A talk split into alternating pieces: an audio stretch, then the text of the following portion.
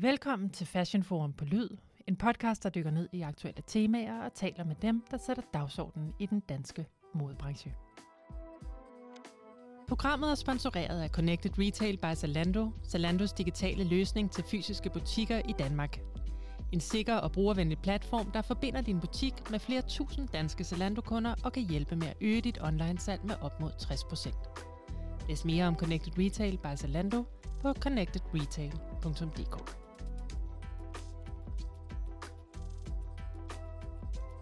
I slutningen af november blev det offentliggjort, at Mark Kenley Domino Tan efter længere tids sygemelding er ude af det brand, han selv grundlagde og har været kreativ direktør for siden 2014. Ejerskabet over Mark Kenley Domino Tan har siden begyndelsen af året primært ligget hos Fashion Society, der også driver brands som Rue Tokyo, Lovechild 1979 og Nye Notes. Og det er dem, der nu skal lede brandet og det stærke designprofil videre. Men hvordan er det lige, man gør det? Og hvilken betydning har det for et tøjmærke, for DNA'et og for køberne, når den navnebærende designer forlader brandet? Det har jeg modredaktør for Børsen, Rikke Agnete Dam, med mig i studiet for at tale om. Velkommen til dig, Rikke. Tak. Det er jo ikke første gang, at en stiftende designer forlader eller bliver fyret fra det brand, de har grundlagt. Ikke herhjemme og ikke internationalt.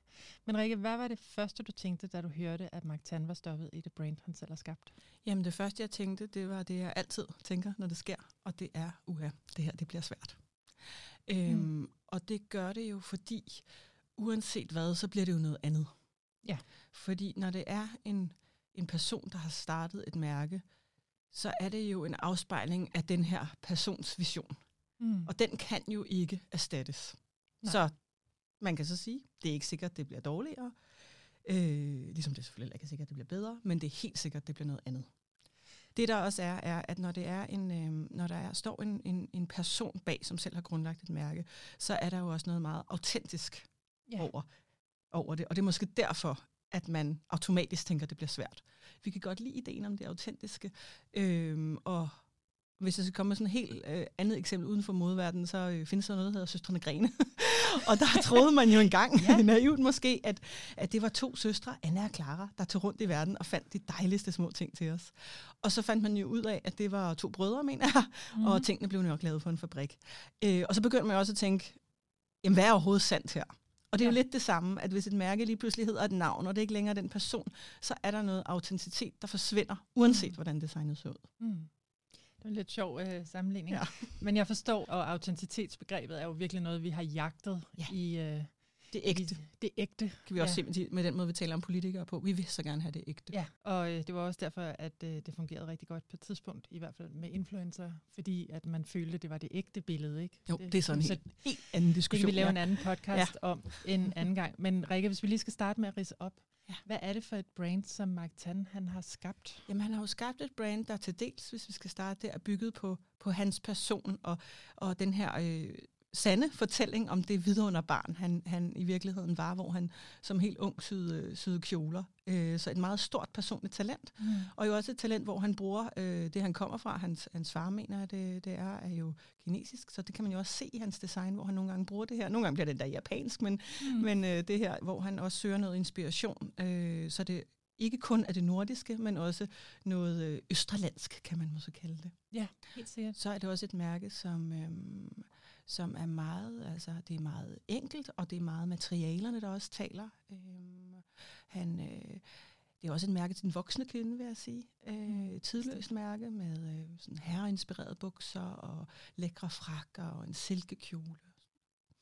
Hvilken betydning vil du sige, det har haft for den danske modescene? Jamen, jeg synes jo, at han skriver sig lidt ind i det her. Fordi den danske modescene, da, da han kom til, var jo præget, hvad den stadig er, af det her meget demokratiske, øh, brugbare øh, tøj, hvor at et succeskriterie er måske, det kommer ud til en masse butikker, og Mm. øh, hvad hedder det. Og han er lidt mere, altså et nichemærke, vil jeg kalde det, hvor det også handler meget om håndværk, øh, måske en mindre målgruppe. Øh, en anden i hans generation, der er eksempel på det, det er jo Cecilie Bansen. Ja. Øhm, ja. Så jeg synes på den måde, at han også viser, at der kan komme noget andet ud for Danmark, end, øh, end det her meget hverdagsagtige øh, tøj til en god pris. Ja. Og Bateson er jo også et godt eksempel på et brand, man har svært ved at adskille fra hende. I den det grad. er nu, ikke? I den grad, ja. at forestille sig det.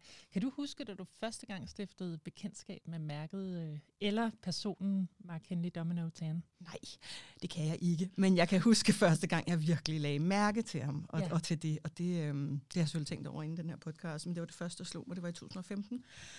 Og jeg kan huske, det var modeuge, og det var, det var koldt, så det må have været i februar, og man skulle ind øh, på gamle scene på det kongelige teater.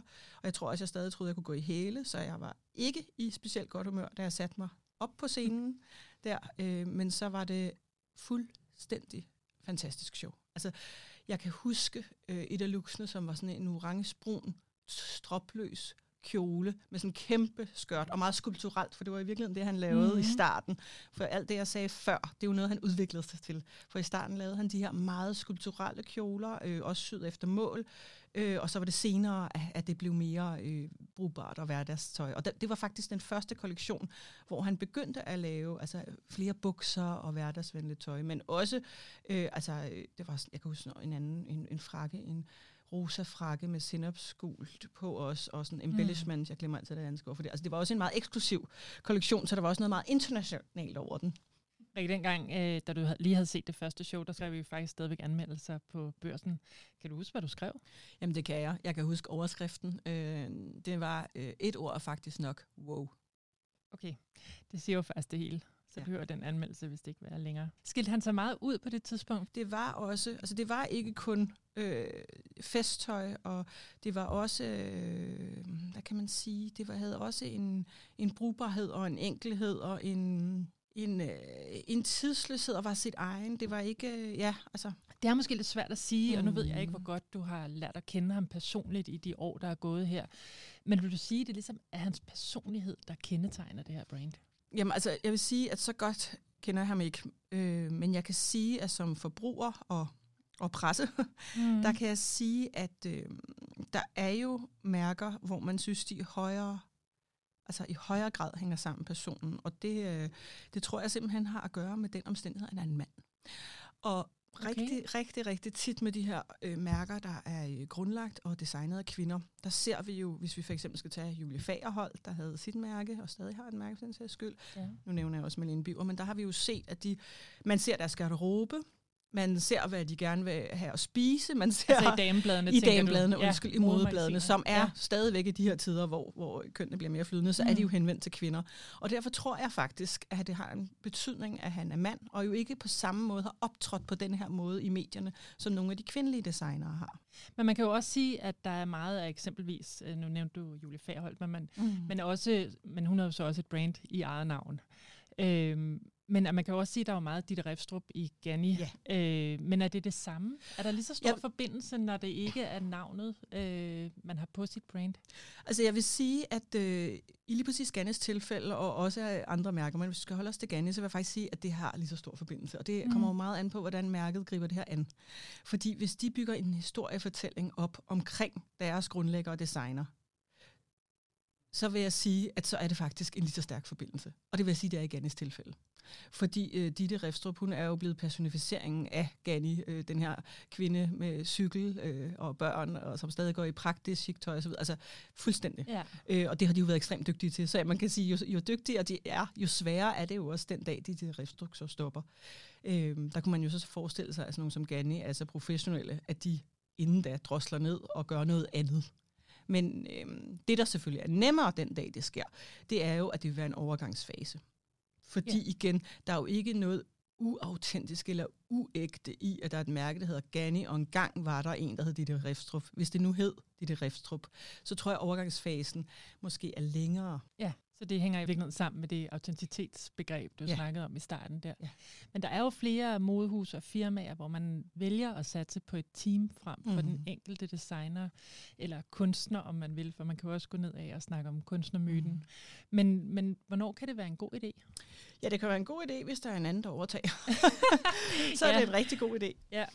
Men øh, det jeg kan også omvendt spørge, øh, hvornår er det ikke en god idé? Jamen, det er jo ikke en god idé, når man gerne vil have ens mærkeste udstrålet personlighed. Fordi så er det jo en gave at have en person, der står bag, som man kan opbygge den her forstå- historiefortælling omkring.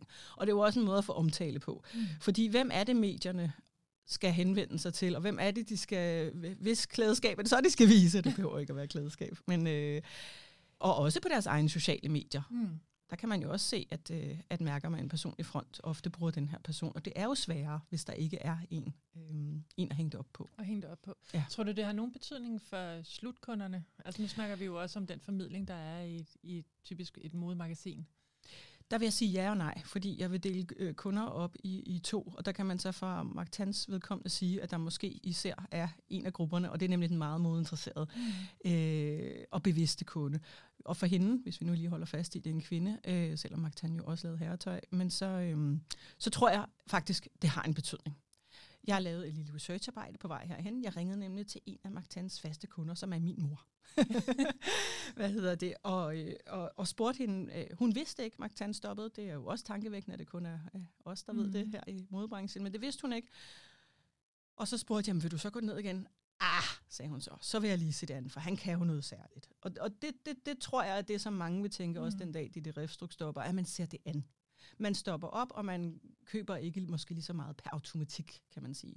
Men når det er sagt, så skal vi huske, og det er noget, jeg ynder at sige, at der findes jo faktisk mennesker, som stadig tror, at Malene Biver øh, står i front hos bare Malene Biver, selvom hun stoppede i 2013. Så der er jo også noget her, som er for os internt. Og det tænker jeg også på, for hvis ikke din mor havde dig ja. som datter, øh, og der kunne provide hende med den info, så er det jo ikke sikkert, at hun ville opdage det, når der hun ville går ned i gå lidt tid i hvert fald. Ja. Øh, men altså, vi kender det, vi er jo begge to journalister, og øh, det er jo lidt ligesom med forsangeren i et band. Så er det jo også frontfiguren, vi går efter. Typisk, det kan være CEO'en en gang imellem, men typisk så er det den kreative direktør, vi gerne vil have fat i at interviewe, når vi skal fortælle om et brand eller en kollektion. Men hvad betyder det for hele fortællingen om brandet, øh, at der måske er en anden eller øh, måske endda et helt team, der står i spidsen for brandet? Jamen det betyder jo, at de skal have en anden fortælling, som er lige så stærk. Øhm, og øh, det kan være en fortælling om bæredygtighed, øh, det kan være en fortælling om øh, håndværket, historien, og øh, altså her, der kan jeg ikke lade være med at kigge til udlandet, der er jo sådan et, et modhus som Hermes, hvor mm. at, at der er jo rent faktisk en designer øh, på både kvinde- og manden kollektion, men jeg tror ikke, nogen af os her umiddelbart kan sige navnet faktisk, øh, og det er der jo en grund til, det er helt bevidst. Og øh, de er jo så til gengæld eminent gode til at fortælle deres historie igen og igen, øh, og, øh, og øh, håndværket bag det enkelte produkt, og hvordan det er blevet til. Og det går jo ikke lige frem dem dårligt. Nej. Så man kan jo egentlig også sige, at ja. hvis, hvis værket eller designet mm, kan stå for sig selv.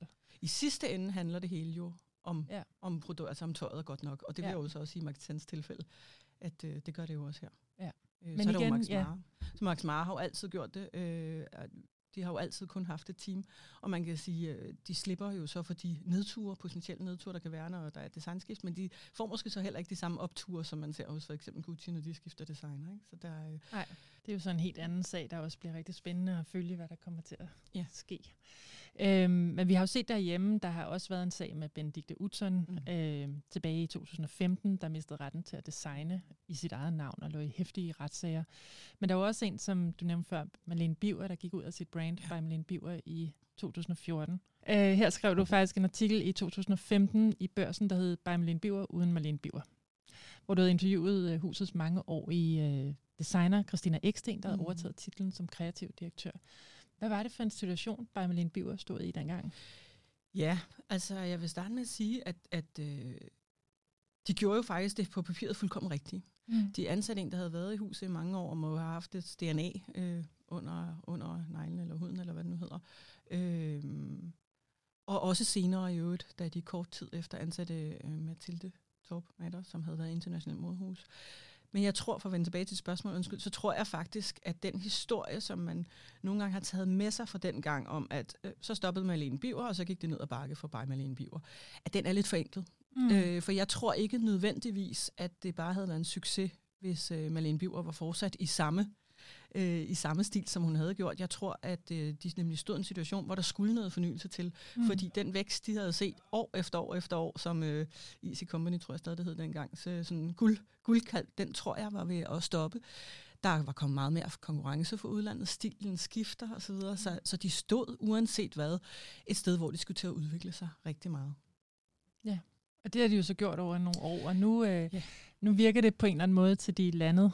Ja, fordi det er jo så et andet, et, et andet aspekt af det her. Hvem er det så, der overtager? Og det er jo ikke kun den kreative direktør eller chefdesigneren, men jo også hvem, der ejer foretagendet.